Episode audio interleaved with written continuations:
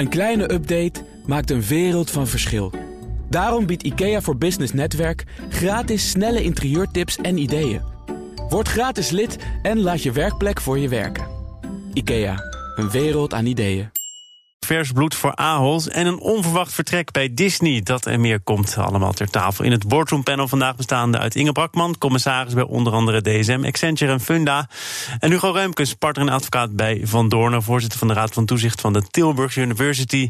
Mijn zakenpartner is Wendy van Ierschot, investeerder, oprichter van V-People, een HR-bureau gespecialiseerd in snelgroeiende bedrijven. Ik denk, zeg het toch maar een keertje. Dank je. Welkom allen.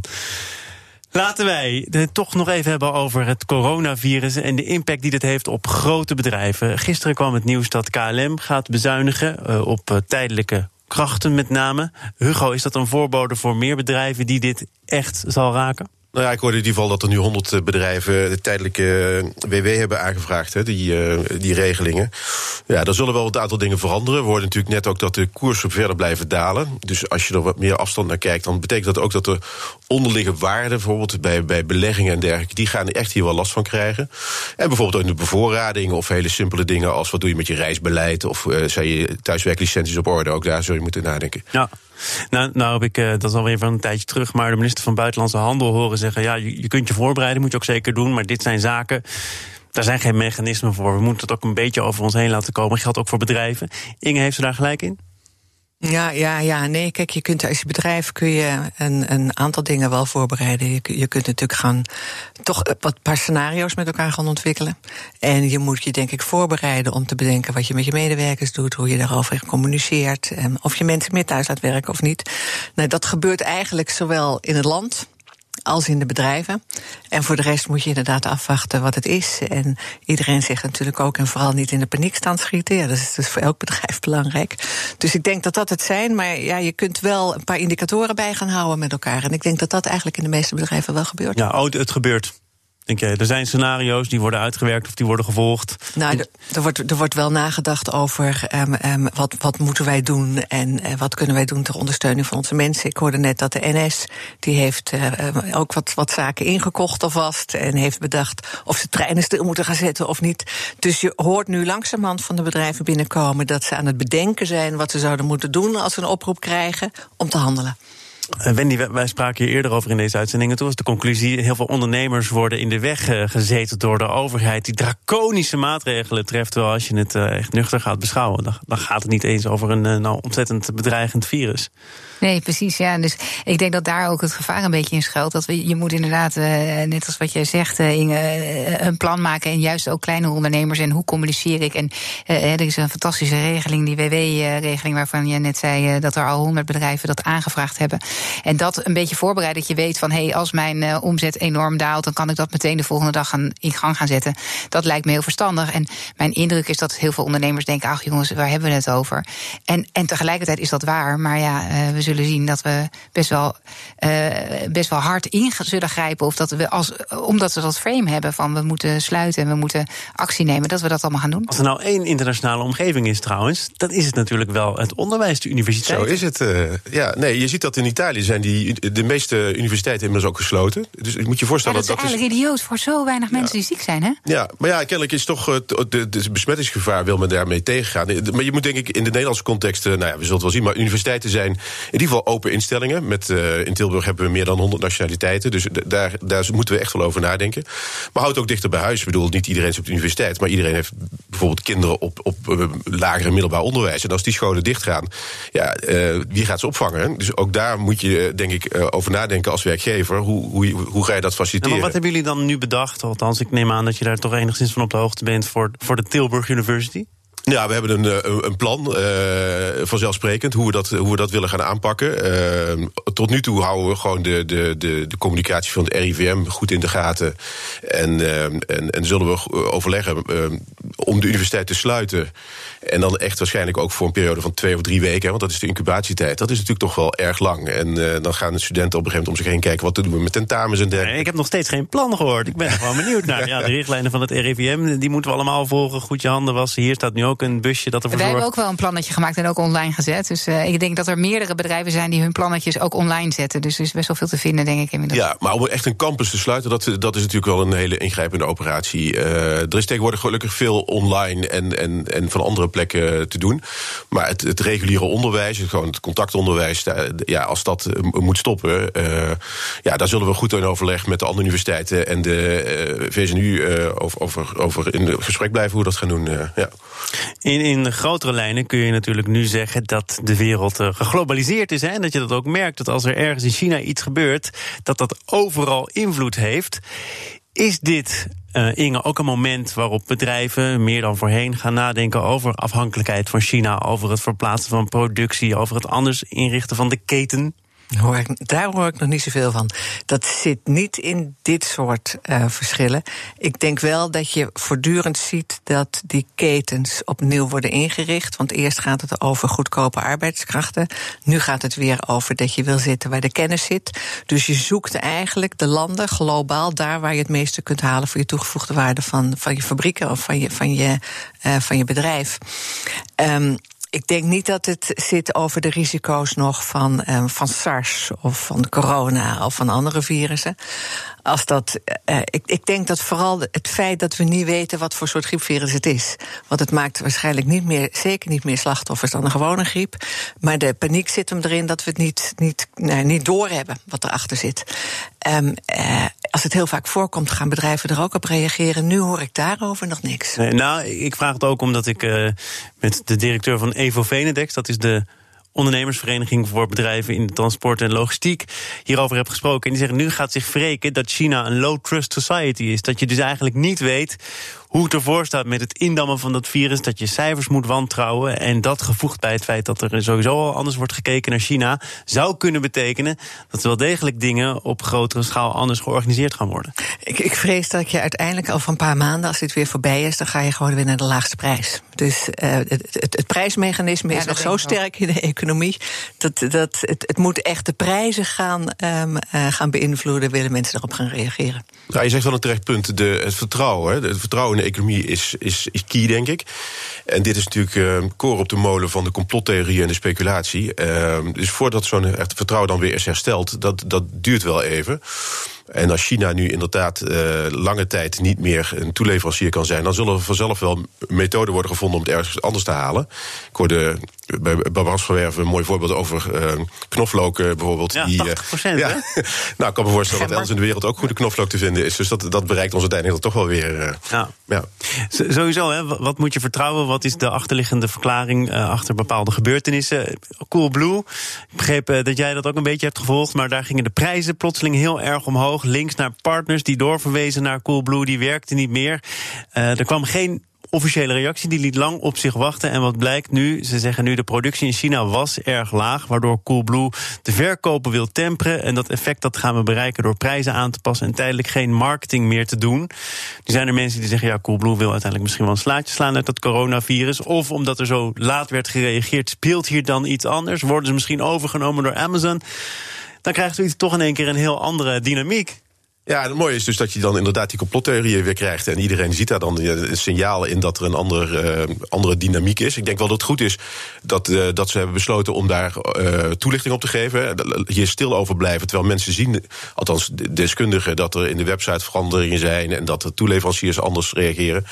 Maar is dit een goed moment om, om producten echt fors duurder te maken? Met ook deze verklaring? Anders dan is het zo meteen uitverkocht, bijvoorbeeld? Nee, maar ik denk wel dat het verstandig is voor, voor echt bedrijven als Coolblue om goed te kijken wat doe je met je distributie en hoe is je bevoorrading. En uh, kun je nu al voorspellen dat als KLM niet kan vliegen naar China, dan zal dat wel effect hebben uiteindelijk ook op de, op het, uh, op de toeleveranciers van, uh, vanuit China hier naartoe. Ja, dus, dus het zou kunnen ja. dat ze denken, we gaan de komende weken iets minder verkopen, maar zo direct kunnen we dan 40% meer marge maken op de producten die ik we dan wel kunnen bouwen. Dat is de gedachte die erachter zit. Ja. Ja. Het is niet goed voor hun naam, vrees ik. Ik denk dat, dat Nederlanders er niet helemaal op zitten te wachten. Als je merkt dat dat opeens zo omhoog gaat. Dus ik, ik weet niet of het, of het, of het, het, het, het imago um, um, daar geen, geen deuk van op. Nee, het voelt niet als de, de klant uh, Nee. is koning. Te gast is het uh, boardroom panel Inge Brakman, Hugo Reumkes en mijn zakenpartner Wendy van Ierschot. En we gaan het hebben niet zozeer over Disney, maar wel over een vertrokken CEO. Het gaat over meneer Iger, die heeft er 15 jaar op zitten als CEO. Uh, op de piek wordt nu gezegd, uh, vertrekt hij. en meer in het algemeen, ja, hoe bepaal je wat de piek van een CEO is, Inge? Heb jij daar een nee. model voor? Nou, we hebben twee voorbeelden in eigen land. Hè. We hebben net uh, Fijke Siebersma, die uh, gestopt is, en Jean-François van Boxmeer bij Heineken. Siebersma bij DSM. Op een piek gestopt, allebei. Echt laten fantastische cijfers achter bij de bedrijven. Die zijn overigens behoorlijk wat jonger nog, zeker tien jaar jonger dan deze meneer van, van Disney. Die is al 69. En die heeft het 15 jaar gedaan. 15 jaar, dit is, het is hard werken hoor, als CEO van beursgenoteerde onderneming. Zeker lang van sowieso, 15 jaar hè? Het is lang. Voor Nederland wordt er al gezegd, maar dat doen ook vooral de kranten, die doen eraan mee. Hè. Na tien jaar moet er nog eens eventjes gekeken worden um, of, of iemand nog. Uh, tien jaar is ongeveer wel een beetje het maximum wat er gezegd wordt. En dan gaat, gaat iedereen vragen van hoe lang blijf je het nog doen. Vind je die vraag niet terecht? Nou, het, het is, ik denk dat je na zeven of acht jaar, dan heb je het wel twee, twee goede cycli, echt behoorlijke cycli meegemaakt. En dan heb je een keer een conjunctuurcrisis gehad, weet je. Dus, dus dan um, zit het in het bloed. En dan ga, gaan er vaak wel gekeken worden van zijn dit de mensen die nog een nieuwe stap kunnen maken, zichzelf en het bedrijf opnieuw kunnen uitvinden of niet. Je moet, het hangt ook vanaf hoe de persoon zelf daar natuurlijk in zit. En um, uh, nou ja, Fijker die heeft gewoon voor twaalf jaar gezeten, die zou echt nog makkelijk een paar jaar door kunnen gaan. Vind je het goed dat mensen op hun top stoppen? Ja, kan ik me heel goed voorstellen. Als ja, je de, moet je wel ik, weten waar die ligt, hè? Ja, ja en, dat, is, en dat is natuurlijk altijd het probleem. Ja. En uh, hoeveel. Um, uh, som, ik denk ook dat voor sommige CEO's denkt van nou weet je, dit is nog mijn piek. En ik zit hierop. Dus ik ga liever op een prettige manier weg. Via ja. de rode loper. Dan dat ik nu de, de volgende, dat ik een, een, nieuwe dip moet overkomen. Want dan moet je er ook wel weer langer zitten. Dus het is dan weer een meerjarige investering om het weer omhoog te helpen. Ja, zo is het nu eenmaal. Dus ik, ik kan me dat na 15 jaar, um, um, alle credits, kan ik me alles bij voorstellen. Nou, ik, ik vraag het ook omdat uh, Van Boksmeer van Heineken, die zei in het FD, dat vond ik een mooie uitspraak, daarom heb ik hem onthouden. Uh, omdat de termijn ook nog tien maanden doorliep. En hij zei in het FD: Je weet wel dat je statistisch over je beste tijd heen bent. Een jaar langer maakt dan ook niet zoveel meer uit. Dus ja, dan is er kennelijk toch wel een inzicht van: Nou, het wordt wel tijd. Nou ja, dus voel, ik niet, voel ik niet zoveel meer toe wat me opvalt is hier dat, dat in de berichtgeving wordt in ieder geval gezegd dat het erg onverwacht allemaal was. Bij Disney uh, is dat het geval, ja. Ja, uh, en, en ik, ik, het, het valt me op dat, dat dat dan bij zo'n enorm bedrijf het geval zou zijn. Ik kan me het bijna niet voorstellen. Uh, en ook dat er dan iemand alweer naar voren wordt geschoven. Als je dat vanuit de boardroom zou bekijken, dan moet er toch een raad van commissarissen zijn, of het equivalent ervan in Amerika, die toch een goede dialoog heeft en de rol als werkgever op een goede manier heeft vervuld. Ik zie wel, dat is ook in Nederlandse context wel eens zo, dat iemand die er heel lang zit altijd zich wel zorgen maakt dat er een bananenschil kan liggen uh, waar je over uitgeleid op het laatste moment en dat je hele bestuursperiode in die context wordt, uh, wordt, uh, wordt bezien. Ja, alles is snel vergeten als je een keer een blunder begaat. je bent zo goed als je laatste performance. dat is denk ik wel het geval. Ja. En dat zal hier misschien ook hebben meegespeeld. En, en, als er dan iemand vertrekt, is het dan belangrijk om meteen een opvolger te hebben klaarstaan? We hebben het uh, twee weken geleden, meen ik, in dit panel ook gehad over het vertrek van de CEO van BAM. In goed overleg stond in het persbericht, maar hij had in het FD eind vorig jaar gezegd dat hij graag nog wel een termijn door wilde. Hij heeft een ontslagvergoeding meegekregen. Roept allemaal vragen op wat er daar dan gebeurt. Want uh, twee maanden had hij volgens mij nog voor de boeg om zijn termijn af te ronden. Uh, dus waarom dit dan allemaal? En dan ook nog werd er gezegd, geen opvolger. Dat, dat komt toch een beetje over. Alsof het inderdaad een totale verrassing is. Hoe belangrijk is het dat die opvolger al klaar staat? Voor, de beurs is het over het algemeen heel fijn om te weten dat er gelijk een opvolger is. Dus voor een, een kalme overdracht. En dat wil je het liefst eigenlijk. Beurs wil natuurlijk niet te veel verrassingen hebben. Die wil een beetje ergens op kunnen anticiperen. Um, um, uh, werkt het het beste. Maar het moet natuurlijk een groot vertrouwen gebeuren. Want um, als al bekend is dat er een terugtreedatum is, dan moet het gelijk aan de beurs bekendgemaakt worden. Dus dan, dan zit je als CEO, dan moet je zeggen: ik denk er misschien over na om misschien te gaan vertrekken. Uh, voor de, want op het moment dat je uitgesproken ja. hebt, hardop in de bestuurskamer dat je vertrekt, moet je naar buiten. Um, dus dan, daar zit dan een, een hele um, vertrouwelijke periode waar maar een hele kleine kring mensen weet van hebben voor die opvolging. Dus dan moet je opvolging haast ook wel van binnenuit komen. Die moet je dan klaar hebben staan. Maar eigenlijk is dat ook wel de taak van de CEO natuurlijk, dat hij daar naar kijkt en dat hij die al meeneemt, al mee opleidt. Op het moment dat je naar buiten wil gaan, als je echt iemand van buiten wil hebben, ja, dan heb je kans dat je toch al naar buiten moet om te zeggen dat iemand vertrekt en dan ben je een paar maanden. Dan is het even niet anders. Nee. Ja, het is ook iets voor het leiderschap. Hè. Op het moment dat je aankondigt dat je gaat, ben je ook echt weg. Hè. Je gezag is dan, uh, is dan gedaan. Maar als jouw vraag zou zijn: ja, moet je iemand direct in de coulissen hebben? Of wil je niet van tevoren nog eens een keer nadenken over waar staan we in de strategie? Uh, hoe moet het profiel zijn? Dat soort zaken. Dat doe je natuurlijk liever rustig in de boardroom. In plaats van uh, via de media, zoals het dit lijkt, lijkt te zijn. Maar nogmaals, ik denk dat dat meer media is dan dat het echt zo is. Nou, media, zeker. Allemaal ja. media. Ja. um, nou ja, sowieso voor iedere key positie moet je natuurlijk toch wel een beetje idee hebben wat je daarmee doet als iemand wegvalt, toch? Uh, zeker op dat soort posities ook. Ik wil eh, even een uitstapje maken naar de polder, want daar is ook iemand eh, bezig te vertrekken. Hij zit er nog, Hans de Boer, en hij heeft een opvolger, Ingrid Thijssen. Uh, nou, nog even los van of iedereen daarmee kan leven of niet. Maar de analyse was, nou, Hans de Boer hebben we gehad. Nu moet er iemand komen die heel anders te werk gaat. Iemand met een ander profiel, iemand met andere competenties, iemand die het vertrouwen gaat herstellen. Is dat een reflex? Nou, je hebt de een gehad, dan gaan we nu een totaal andere kant op. Het, is, het is een reflex waar je als bestuurder over het algemeen heel goed tegen moet wapenen. Want je hebt dan soms de neiging om datgene wat je gemist hebt bij de een te gaan overcompenseren in het profiel voor de volgende. Moet je heel erg voorzichtig mee zijn, want voor je het weet maak je een enorme tenure. Aan de andere kant dat VNO en NCW nu Ingrid Thijssen krijgt, dat is fantastisch. Dus eh, misschien is het allemaal heel anders, maar ik vind het echt een signaal dat, eh, dat er op een andere manier gewerkt gaat worden. Dat je en de vergroening in Nederland een swoon kunt geven. Arbeidsverhoudingen, weet ik het. Dus ik, ik, ik ben er heel blij mee. Dus hier pakt het goed uit, maar... De, de, dat gaan we zien, maar ik vind het fantastisch. maar de gedachte van, oh, we hebben A gehad, het moet nu B worden... Heel voorzichtig mee zijn. ik, ik wat, heb is, het, wat is daar het risico? Oh, je hebt het nou, meegemaakt. Ja, tuurlijk. Want ik, ik heb verschillende keren heb ik, uh, ben ik bezig geweest met, met, met benoemingen. En wat je dan soms gaat doen, is dat je te veel nadruk gaat leggen op de de, de, kant die een ander niet um, um, heeft gehad. Maar soms vergeet je dan de goede kant die hij wel had. Het zijn altijd. Um, je moet veel meer in teams gaan werken in de toekomst. Maatschappijen zijn complexer, organisaties zijn complexer. Dus je moet vooral heel erg goed kijken naar de samenstelling van je team. En dan, als je de eerste persoon is heel toonaangevend in een bedrijf. Die heeft hele goede kanten en die heeft ook een aantal flipsides. En die moet je met elkaar kunnen wegen en kunnen kijken of je ze kunt compenseren. Maar als je het roer volledig omgooit, dan eh, betekent dat ook heel veel aanpassingsvermogen voor de hele organisatie. Je kunt dat bij DSM er ook gewoon twee benoemen. Ja. Dat kan ook. Kan ook. ja. Herken jij het dat, dat, er, dat er dan radicaal van koers veranderd wordt? Ja, en, en, ik herken vooral ook dat de casting heel belangrijk is. Hoe ga je dat team uh, samensmeden? En uh, ja, dat, dat het profiel van zeker een, een iemand die als CEO aantreedt, dat is natuurlijk enorm belangrijk.